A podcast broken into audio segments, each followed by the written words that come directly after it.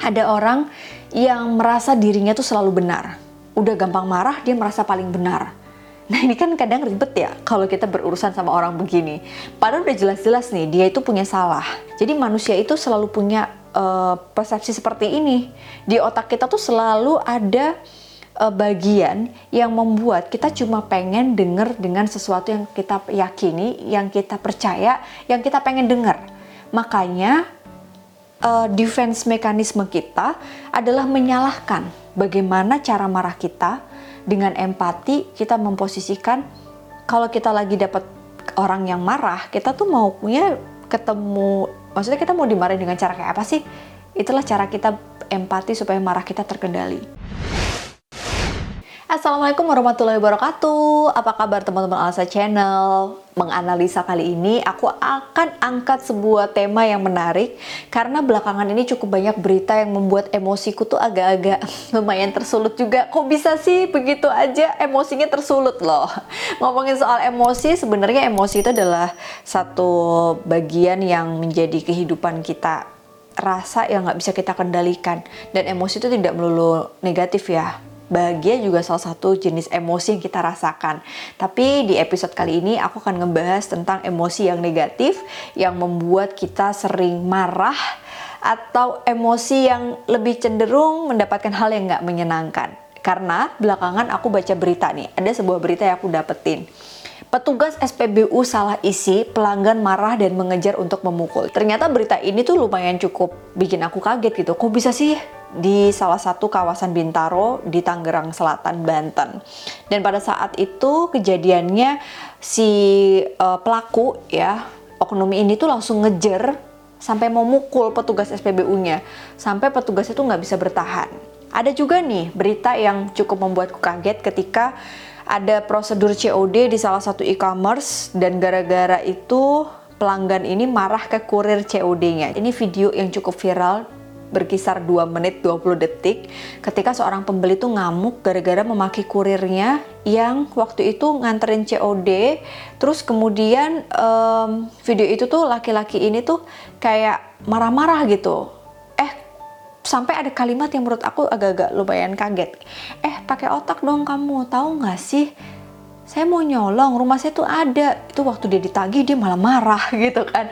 Jadi agak menarik ya bapak belum bayar atau mungkin ditagih kok bapak yang marah gitu kan dengan bahasa yang kurang pantas. Terus ada berita berikutnya nih, driver ojol salah kirim makanan dan ketika pelanggan minta dibatalkan, eh malah dipukul. Jadi ini driver ojolnya salah kirim makan. Terus um, driver ojol ini tuh malah memukul pelanggannya. Aduh, ada satu berita lagi karyawati nih, jadi perempuan yang melempar pelanggannya dengan gelas plastik karena nggak segera pesen. Aduh mbak sabar atuh mbak. Lihat menu tuh kan lama. Ngeliat harga dulu survei mau makan apa. Menarik ya teman-teman ya. Tapi kenapa ya kalau kita pikir-pikir ada orang yang bisa gampang tersulut emosinya dan mudah marah? Atau mungkin teman-teman sering ketemu dengan orang yang mudah tersinggung. Misalnya kalau orang naruh barang terlalu kenceng gitu kan e, disangkainnya itu marah gitu. Padahal emang dia naruh barang aja gitu. Terus bikin yang satunya ngambek kamu marah ya gitu. Emosi marah ini unik ya teman-teman. Karena emosi ini adalah bagian yang sama dengan emosi yang lain. Seperti senang takut jijik sedih. Itu tuh pengendalinya adalah si amigdala, otak yang sangat sensitif terhadap reaksi emosi. Sehingga panca indera kita, mata, telinga, dia mengirimkan pesan kepada amigdala untuk memberikan pesan emosi apa yang hadir. Sehingga pekerjaannya itu kayak otomatis gitu. Terus dikonfirm nih sama otak bagian yang prefrontal sama waktu kita bahas kecemasan. Emosi marah ini juga sama, dia akan mengkonfirmasi apakah ini adalah hal yang pantas membuat kita marah atau enggak. Jadi sebenarnya pengendalinya itu ada di otak yang ternyata sensitivitas seseorang itu berbeda-beda. Iritabilitas terhadap stimulus yang membuat marah itu berbeda-beda. Stimulusnya netral, kayak orang ada yang ketika dia mendapatkan nada tinggi dari atasannya dia sensitif, membuat dia nggak terima, atau mungkin ada juga yang sedih, kan emosi itu berbeda-beda, ya kan? Padahal stimulusnya sama, oknumnya sama. Ada yang mungkin kejadiannya bisa juga dialami oleh teman-teman yang lain. Pernah nggak salah isi gitu? Kita ngisinya mintanya Pertamax uh, Dex misalnya, terus di uh, dikasihnya Pertamax biasa gitu kan. Saya nggak tahu sih nggak nggak terlalu paham tuh kesalahannya harganya naik apa turun gitu ya. Tapi apa pun itu mungkin bisa jadi buat orang lain tuh adalah hal yang bisa dimaafkan, ditoleransi, uh, ditolerir gitu kan. Jadi sensitivitas ini tuh berasalnya dari mana sih teman-teman? Mungkin kalau kita kaitkan ada juga kondisi yang disebut dengan um, pengalaman yang dialami setiap manusia itu berbeda. Misalnya nih, dia mungkin dibesarkan dengan karakter atau kepribadian yang mengarah kepada proses belajar tentang emosi ini dari figur lekatnya. Orang tua misalnya dari orang tua yang memang memberikan gaya komunikasi marah seperti apa. Ini akan membentuk kepribadian kita seperti bagaimana kita menerima stimulus itu, seberapa sensitif kita terhadap emosi marah. Dan ada sebuah karakter yang disebut dengan karakter observan, di mana karakter observan ini disebut juga observatif. Dia cenderung memperhatikan hal-hal yang nggak diperhatikan orang lain. Jadi bisa aja sesuatu yang membuatnya marah itu adalah sesuatu yang membuat dia nggak nyaman dan memiliki toleransi yang rendah terhadap perasaan tidak nyaman itu gitu. Nah, kenapa ya ada orang yang punya karakter ini dan ada orang yang nggak punya karakter tersebut? Hasil belajar pengalaman hidup itu juga nggak bisa bohong. Seperti kita belajar main musik, pastinya kalau kita belajar kita tuh akan bisa menguasai alat musik tersebut. Dan sama dengan emosi marah. Kalau kita belajar mengendalikan emosi kita, kita akan mudah untuk mengendalikannya. Sehingga pada saat amigdala ini kasih pesan sensitif terhadap emosi tersebut muncul, si prefrontal ini tuh bisa mengkonfirm bahwa bagaimana cara kita marah yang tepat. Apakah marah kita ini bisa menyelesaikan masalah atau jangan-jangan ini hanya pemicu atau trigger dari pengalaman sebelumnya membuat kita emosi duluan gitu, membuat kita marah duluan. Karena persepsi kita itu adalah fokus yang bisa kita pelajari yang dipengaruhi oleh background pendidikan, background pola asuh, level stres. Kenapa tadi aku bahas di awal bahwa harga BBM naik, kemudian kehidupan ekonomi kita makin sulit, ini juga menjadi pengaruh munculnya persepsi terhadap emosi marah. Sehingga pada saat manusia memiliki toleransi, batas ambang, tolerir mereka terhadap emosi tersebut, udah kadung gimana ya teman-teman ibaratnya ini gelas itu udah penuh, ya kan? Banyak banget yang membuat dia marah sama keadaan yang nggak bisa dikendalikan kehidupan yang makin sulit, pressure pekerjaan yang makin tinggi. Kayak tadi misalnya pelayan, kok customernya nggak pesan-pesan, mungkin dia dapat target waktu dari atasannya lagi gitu kan. Jadi ambang batas toleransi terhadap emosi marahnya itu tuh kayak udah gelas yang penuh tadi. Bayangin, diisi dikit, gelas itu bisa tumpah Nah, bedanya untuk pelayan yang lain, mungkin gelasnya itu ruangnya masih banyak gitu. Waktu dia dapat sesuatu yang membuat dia marah, si amigdala ini mungkin bisa jadi sama-sama kesel. Kok kagak pesen-pesen ya? Tapi si prefrontal itu seperti memberikan pesan bahwa nggak apa-apa, lu masih ada space kok untuk memaklumi, jadi nggak luber. Makanya stimulus itu netral. Kayak orang suka makan durian, ada yang suka, ada yang enggak ada orang dimarahin bosnya, yang satu baper, yang satu biasa aja. Jadi sebenarnya emosi itu adalah sesuatu yang bisa kita kendalikan dari fokus persepsi kita mau ke mana. Nah, ini pertanyaan yang menarik nih. Pada saat ada orang yang merasa dirinya tuh selalu benar, udah gampang marah, dia merasa paling benar. Nah ini kan kadang ribet ya kalau kita berurusan sama orang begini. Padahal udah jelas-jelas nih dia itu punya salah. Kenapa ya? Pertama kalau kita mau ngacu pada teori uh, bias kognitif atau confirmation bias. Di dalam otak kita selalu ada bias teman-teman. Yang perlu kita pelajari adalah that's why kita butuh yang namanya empati. Pemahaman terhadap kondisi dari perspektif yang berbeda. Dari kondisi yang berlawanan. Kalau enggak, kita akan menganggap diri kita paling benar. Bias ini tuh apa ya? Dia hanya akan menerima pernyataan yang sesuai dengan yang dia inginkan jadi manusia itu selalu punya uh, persepsi seperti ini. Di otak kita tuh selalu ada uh, bagian yang membuat kita cuma pengen denger dengan sesuatu yang kita yakini, yang kita percaya, yang kita pengen denger. Makanya uh, defense mekanisme kita adalah menyalahkan.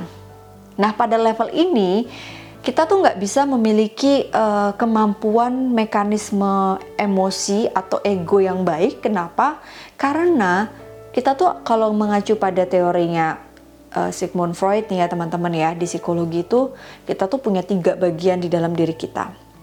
Ada it, dorongan manusia untuk selalu mengikuti apa yang dia inginkan. Lalu ada yang namanya um, ego dan ada yang namanya super ego. Super ego ini adalah bagian dari dalam diri kita yang kita yakini sebagai nilai-nilai yang seharusnya, yang semestinya, moral issue itu ada di situ. Misalnya nih, pasti orang tua mengajarkan anaknya tentang kesabaran, memaafkan, untuk menerima hal yang tidak mengenakan, harus begini, empati, itu tuh super ego. Value-value yang di kita pelajari gitu ya di dalam memori kita yang dibawa oleh pengalaman hidup atas pola asuh dan lain sebagainya. Tapi kita punya nafsu, kita punya it, kita punya dorongan untuk selalu merasa benar. Nah yang di tengah ini tuh si ego, dia tuh kayak polisinya gitu. Mau dengerin yang mana? It atau super ego? Nah ketika si ego ini bisa kita latih untuk berada di dalam uh, kontrol yang tepat, dia akan lebih bisa tidak terlalu vulnerable gitu. Dia tidak terlalu ngikutin it-nya. Karena bayangin kalau kita ngikutin it kita terus, apa yang kita pengenin selalu, semua orang harus begini. Yang ada kita emosional mulu ya, marah-marah kan setiap hari. jadi kita jadi vulnerable terhadap hal-hal yang menjadi ancaman buat kita. Terus kalau kita terlalu super egonya terlalu tinggi juga nggak bagus.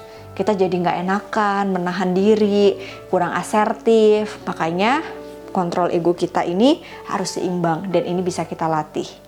Jadi apa yang bisa kita lakukan nih Mbak Analisa kalau misalnya kita ada di dalam posisi uh, orang yang gampang marah atau mungkin bisa jadi kita ada di posisi dekat sama orang yang gampang marah. kan nggak mungkin kita hindari kalau pasangan sendiri, orang tua sendiri, anak sendiri, atau keluarga kita sendiri. Gimana dong caranya? Oke, sebenarnya basicnya sama ya teman-teman. Ini udah selalu aku bahas. We cannot control the wind but we can adjust ourselves. Kita nggak bisa mengendalikan sikap orang lain. Kita nggak bisa mengatur semua yang kita inginkan sesuai dengan apa yang terjadi dan apa yang terjadi sesuai apa yang kita inginkan. Rubah fokusnya kepada apa yang bisa kita kendalikan. Contoh kayak persepsi terhadap salah isi bahan bakar gitu ya. Coba dengan empati kita posisiin jadi dia empati itu membantu kita untuk memahami oh mungkin petugas SPBU-nya lagi capek. Dia salah, dia harus tahu, kita harus tegur. Tapi posisikan kalau kamu jadi mereka, kamu ditegur dengan cara apa? Lagian udah keisi. Kita nggak bisa mengulangi waktu itu. Jadi kendali aku di mana? Kendaliku adalah memberitahu kesalahan dia tanpa harus memaksa bensinnya balik lagi kan nggak mungkin. Kenapa dia memukul? Karena mungkin dia pengen mengendalikan situasi yang sudah terjadi makanya dia over acting. Actionnya tuh berlebih dengan emosi tadi. Ya so fokus kepada apa yang kamu bisa kendalikan. Atau bisa jadi menghindari aja dulu. Kalau kesel bisa jadi kita punya ruang untuk bisa melihat apa yang ada di dalam diri kita. Wah aku marah banget nih. Sadari itu. Ambil nafas. Biasanya orang marah itu nervous system tubuhnya berubah jadi lebih deg-degan, lebih berkeringat, jadi lebih emosinya tuh yang muncul adalah kalau negatif ya biasanya tuh kita kayak megang dada kita sendiri tuh kayak orang lagi lari maraton. Nah sadari oh aku marah nih, aku marah nih, aku marah. Cari sumbernya apa? Sumber yang membuatku marah tuh apa? Aware ya. Aware ini akan membantu kita untuk menerima rasa marah itu. Ya aku memang marah, tapi fokus kepada apa yang bisa aku kendalikan. Bagaimana cara marah kita dengan empati kita memposisikan kalau kita lagi dapat orang yang marah, kita tuh mau punya ketemu maksudnya kita mau dimarahin dengan cara kayak apa sih? Itulah cara kita empati supaya marah kita terkendali. Kalau kita nggak mau mendapatkan sikap yang nggak enak dari orang lain ketika dia marah, jadilah orang yang marah dengan penuh empati.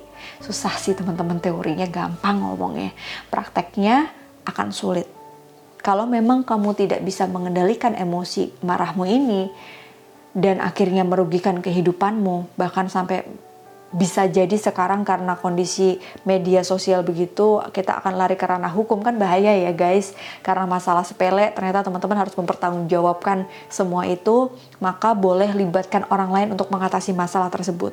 Kalau perlu minta orang untuk jadi reminder di sebelah kita kalau kita lagi emosi marah. Minta mereka mengingatkan. Kalau nggak bisa ikuti uh, anger management program yang bisa kamu ikutin bareng sama profesional atau dengan grup terapi yang sekarang juga udah banyak kalau teman-teman pengen tahu tentang anger management ini seperti apa, coba deh kepoin Instagramnya APDS Indonesia karena ada banyak konten terkait sama emosi, kepribadian yang bisa membuat teman-teman jadi belajar mengendalikan emosi kamu lebih baik. Ada juga webinar yang sering kita adain, eh, kelas-kelas uh, yang di situ aku juga jadi salah satu pengajar dan aku juga praktek di APDS Indonesia juga. Makanya teman-teman kepoin buruan kalau mau cari jadwal kelas maupun konseling bareng sama profesional. Gitu aja teman-teman, semoga kondisi belakangan ini kalau kita sadar banyak yang membuat emosi kita tersulut, pasti. Gak ada orang yang siap dengan ketidakpastian dan perubahan. Semuanya tuh pasti kaget ya kan apalagi kalau kita ngomongin soal ekonomi yang nggak bisa kita kendalikan sampai kapan ya pulihnya stagflasi yang sekarang membuat uh, krisis global nggak cuma Indonesia tapi semua negara juga berjibaku dengan ini semuanya. Fokus kepada apa yang bisa kita kendalikan dan be aware dengan emosi yang kita rasakan. Kehadiran Ansa Channel ini semoga bisa jadi uh, awareness teman-teman ya. Kalau lagi marah, kesel, coba tonton video-video kita. Thank you for watching and bye-bye. Assalamualaikum warahmatullahi wabarakatuh.